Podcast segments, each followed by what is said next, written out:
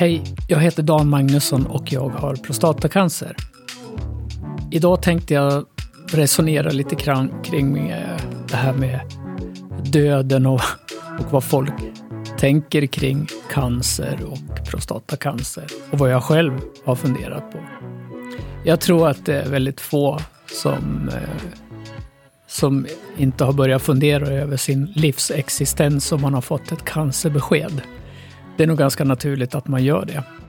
Eh, även om man då, som när man tittar liksom på prostatacancer, om man bottnar i det eller liksom om man kliver in i det, kan man väl säga först då, så ser man ju att ja, ah, det finns godartad eh, prostatacancer.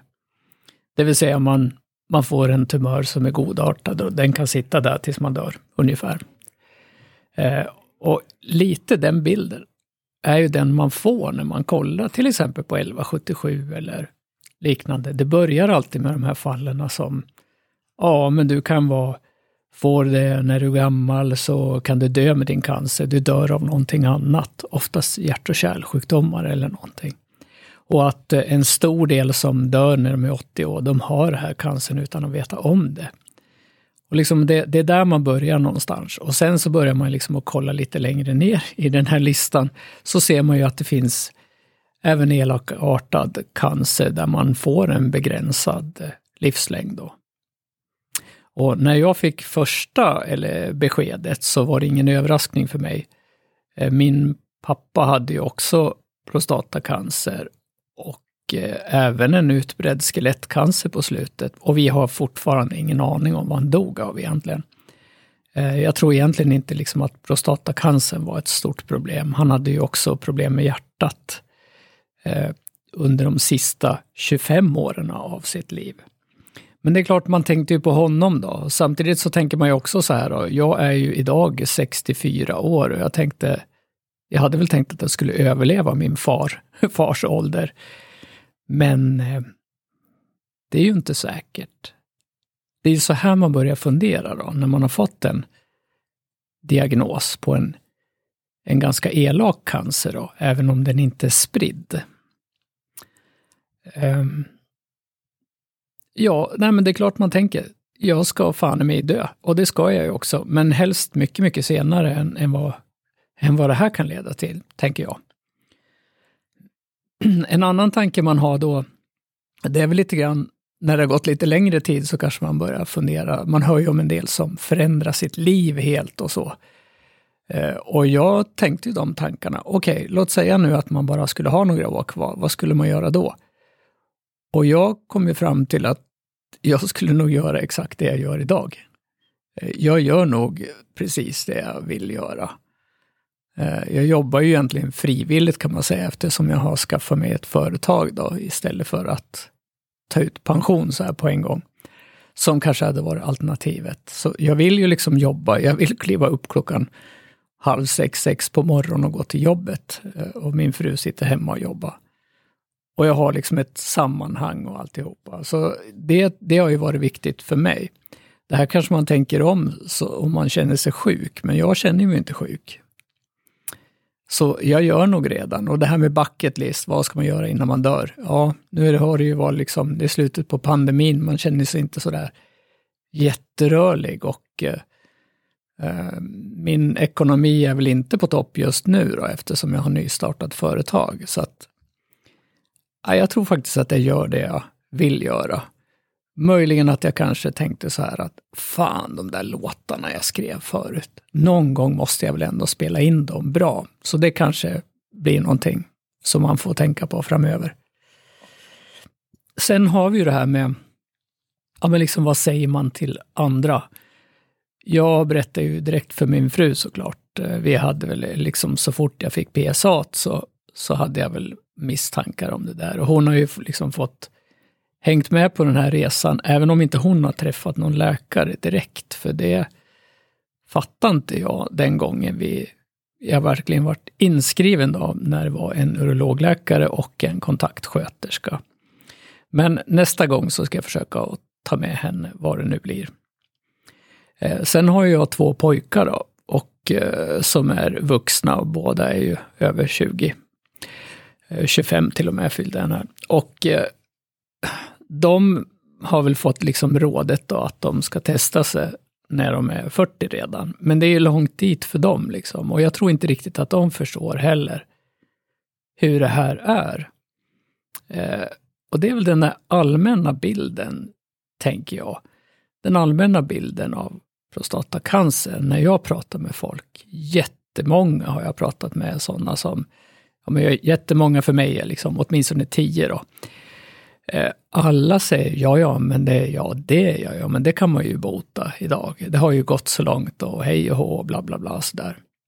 Det är ju bilden av det, att prostatacancer inte är särskilt farligt, utan de flesta klarar sig. Och så tittar man då på mig, så ser jag jävligt frisk ut.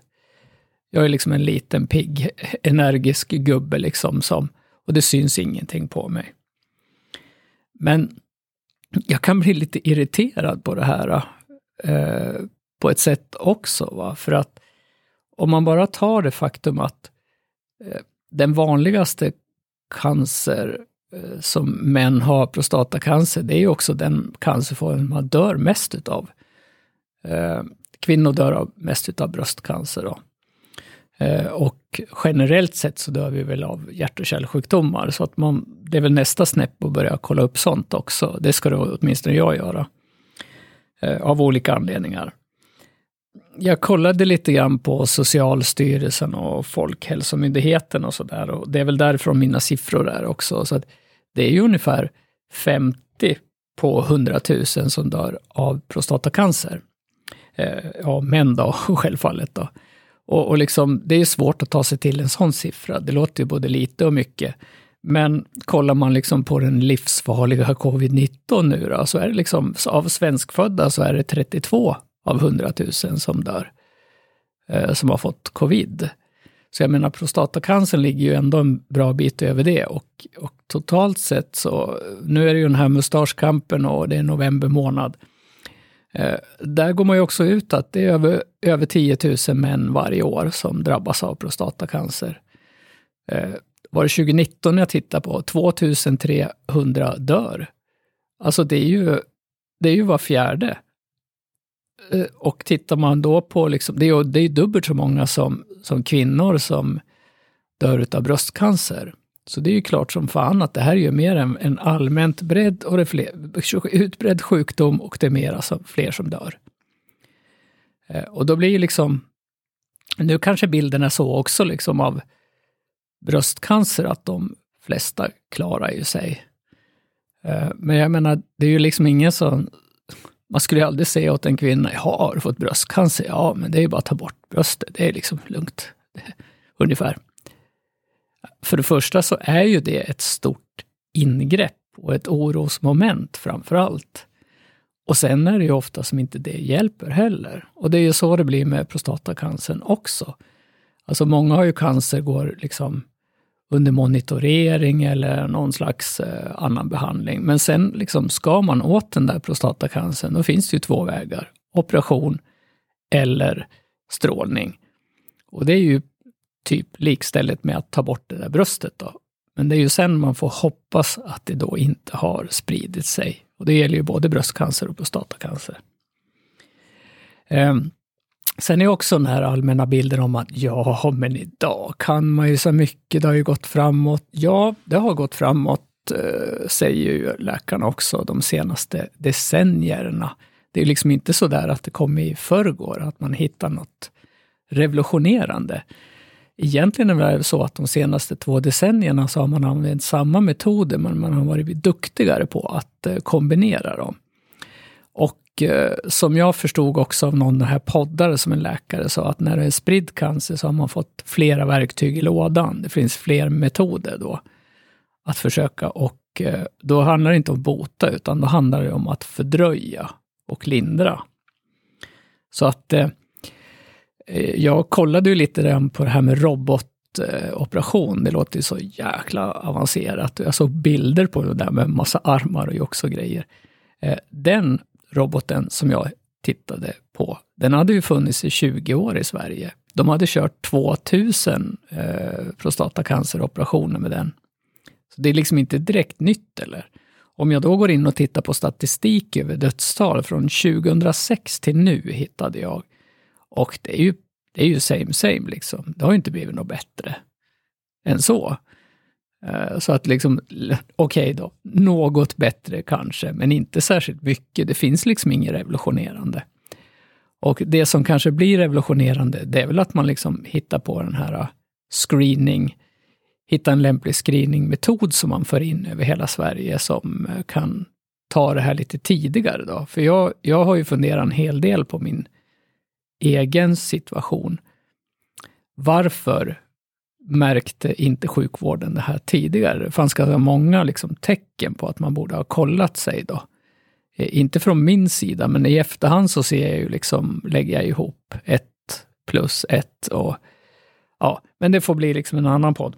Eh, hur som helst, det med dödsfallen, ja. Och tittar man då, jag tittar också på statistik liksom, och det är ju, alltså det är sämst här i Gävleborg. Vi, vi gävleborgare är ju duktiga på att vara, vi är bäst på att vara sämst och det gäller ju många områden, eh, tänker jag.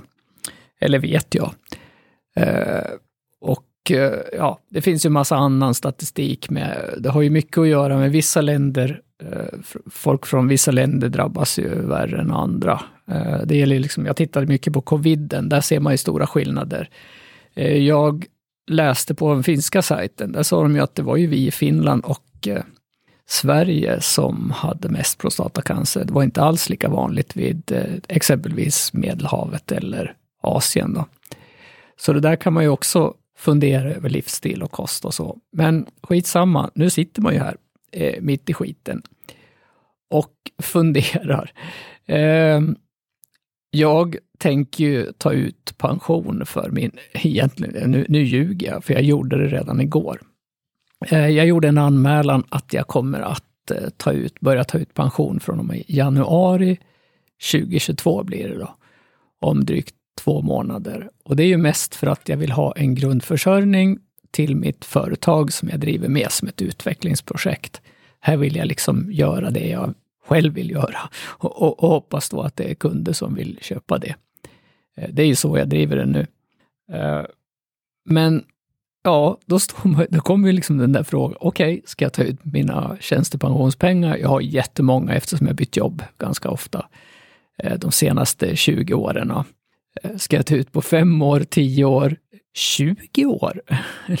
eller, ja, eller livstid? Där har man ju liksom en fundering. Jag måste nästan ställa den här frågan till någon läkare. Jag vet inte vad de säger om det. Men jag har pratat med en kompis. Han har genomgått en ganska allvarlig operation. Och vi pratade SVID i telefon och eh, han sa så, ja, det är ju inte riktigt så att man tänker sitt liv liksom 20-30 år framåt, vilket borde vara rimligt för oss nu då. För han är också född 1957. Och nu sitter ju jag där också. Jag hade väl tänkt liksom att, jag brukar ju skämta och säga att eh, men jag tänker jobba på tills jag är 102, då ska jag bli influencer som Dagny. Jag tror att hon är 108 nu till och med. Men jag, jag har ju kört med det där i, i bra många år nu. Men det vet fan. Hur gammal kommer man att bli egentligen? Och det är klart att det beror ju på den här närmaste nu behandlingarna som jag ska genomgå nu i två år. Då. Och strålningen är väl den mest väsentliga. Eh, ja, och sen som sagt var då, man kanske inte vill bli 102 beroende på vilket skick man är. Det har ju mycket också att göra med biverkningar och, och framförallt att man kan ju, hur man lever sitt liv själv, hur man låter sig påverkas och hur man... Ja, där kommer en annat ord i bilden som jag tänker på nu. Kämpa. När folk säger liksom man ska kämpa mot cancern. Den där jävla cancern kommer inte göra någonting. Vad ska jag göra då? kämpa? Ska, ska bita av mina egna testiklar till att börja med då, eller?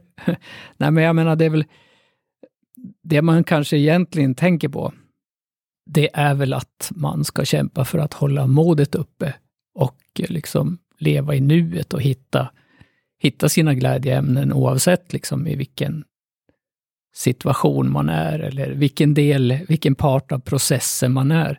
Men man kan ju liksom inte sitta, okej, okay, nu sätter jag mig här och väntar i två månader till tills jag ska få strålningen. Och sen när man är inne i strålningen så väntar man, ja, resultat av det, bla bla bla. Liksom man måste, klart, en del praktiska saker måste man ju kanske planera då, men det handlar väl om att göra det man vill varje dag på något sätt. Och, och ändå se positivt på det här. Eh, och det gör jag. Det, det enda jag vill liksom ta upp, det är väl, kör jag en sån här podd så, så ska ni ju veta att det är ju inte alla dagar man går och ler och sådär. Utan det är ju klart man har stunder där man inte tänker på något annat än den här jävla prostatacancern. Där man liksom knappt, man kommer till jobbet och så, så gör man kanske inte det man ska göra i den hastighet man tänker, för att man har tänkt på något annat. Eh, och jag har ju lite lyxigt också eftersom jag jobbar med digital kommunikation så sitter jag och gör den här podden på min så kallade arbetstid. Då. Eh, men det tar inte så, så, stor, så lång tid egentligen. Eh, det är ganska korta avsnitt och jag kör ju mera från mitt huvud och hjärta än att jag försöker att skriva manus eller någonting. Därav att det kanske blir liksom lite rörigt med det här. Men vad har vi pratat om idag då? Ja, men det är väl det. Jo, jag har också funderat på när jag ska dö. Och eh, Um, när man pratar från neurologen när de säger att bota, för de menar de, det kollar de efter tio år om man är botad, om man nu lever tio år. Eh, så att liksom, det handlar ju inte om det, utan det handlar väl om om man får ta det för vad det är, så att säga. Och sen ni alla som tror att liksom prostatacancer är ofarligt, jag tycker ni ska tänka om. Det är väl liksom, det, vi ska vara tacksamma för att sjukvården har kommit så långt och att det finns både det finns faktiskt både bot, men framförallt lindring och, och hjälp på vägen. Liksom. Eh, och även mycket stöd också om man behöver det, har jag ju sett i min, i min vårdperm som jag fått i, på äkta papper och plast. Och, eh, jag använder den. Min, min vårdperm, det är den här podden istället. Ja, men det var väl det. Vi hörs eh, i någon ny episod om något annat ämne. Ha det bra.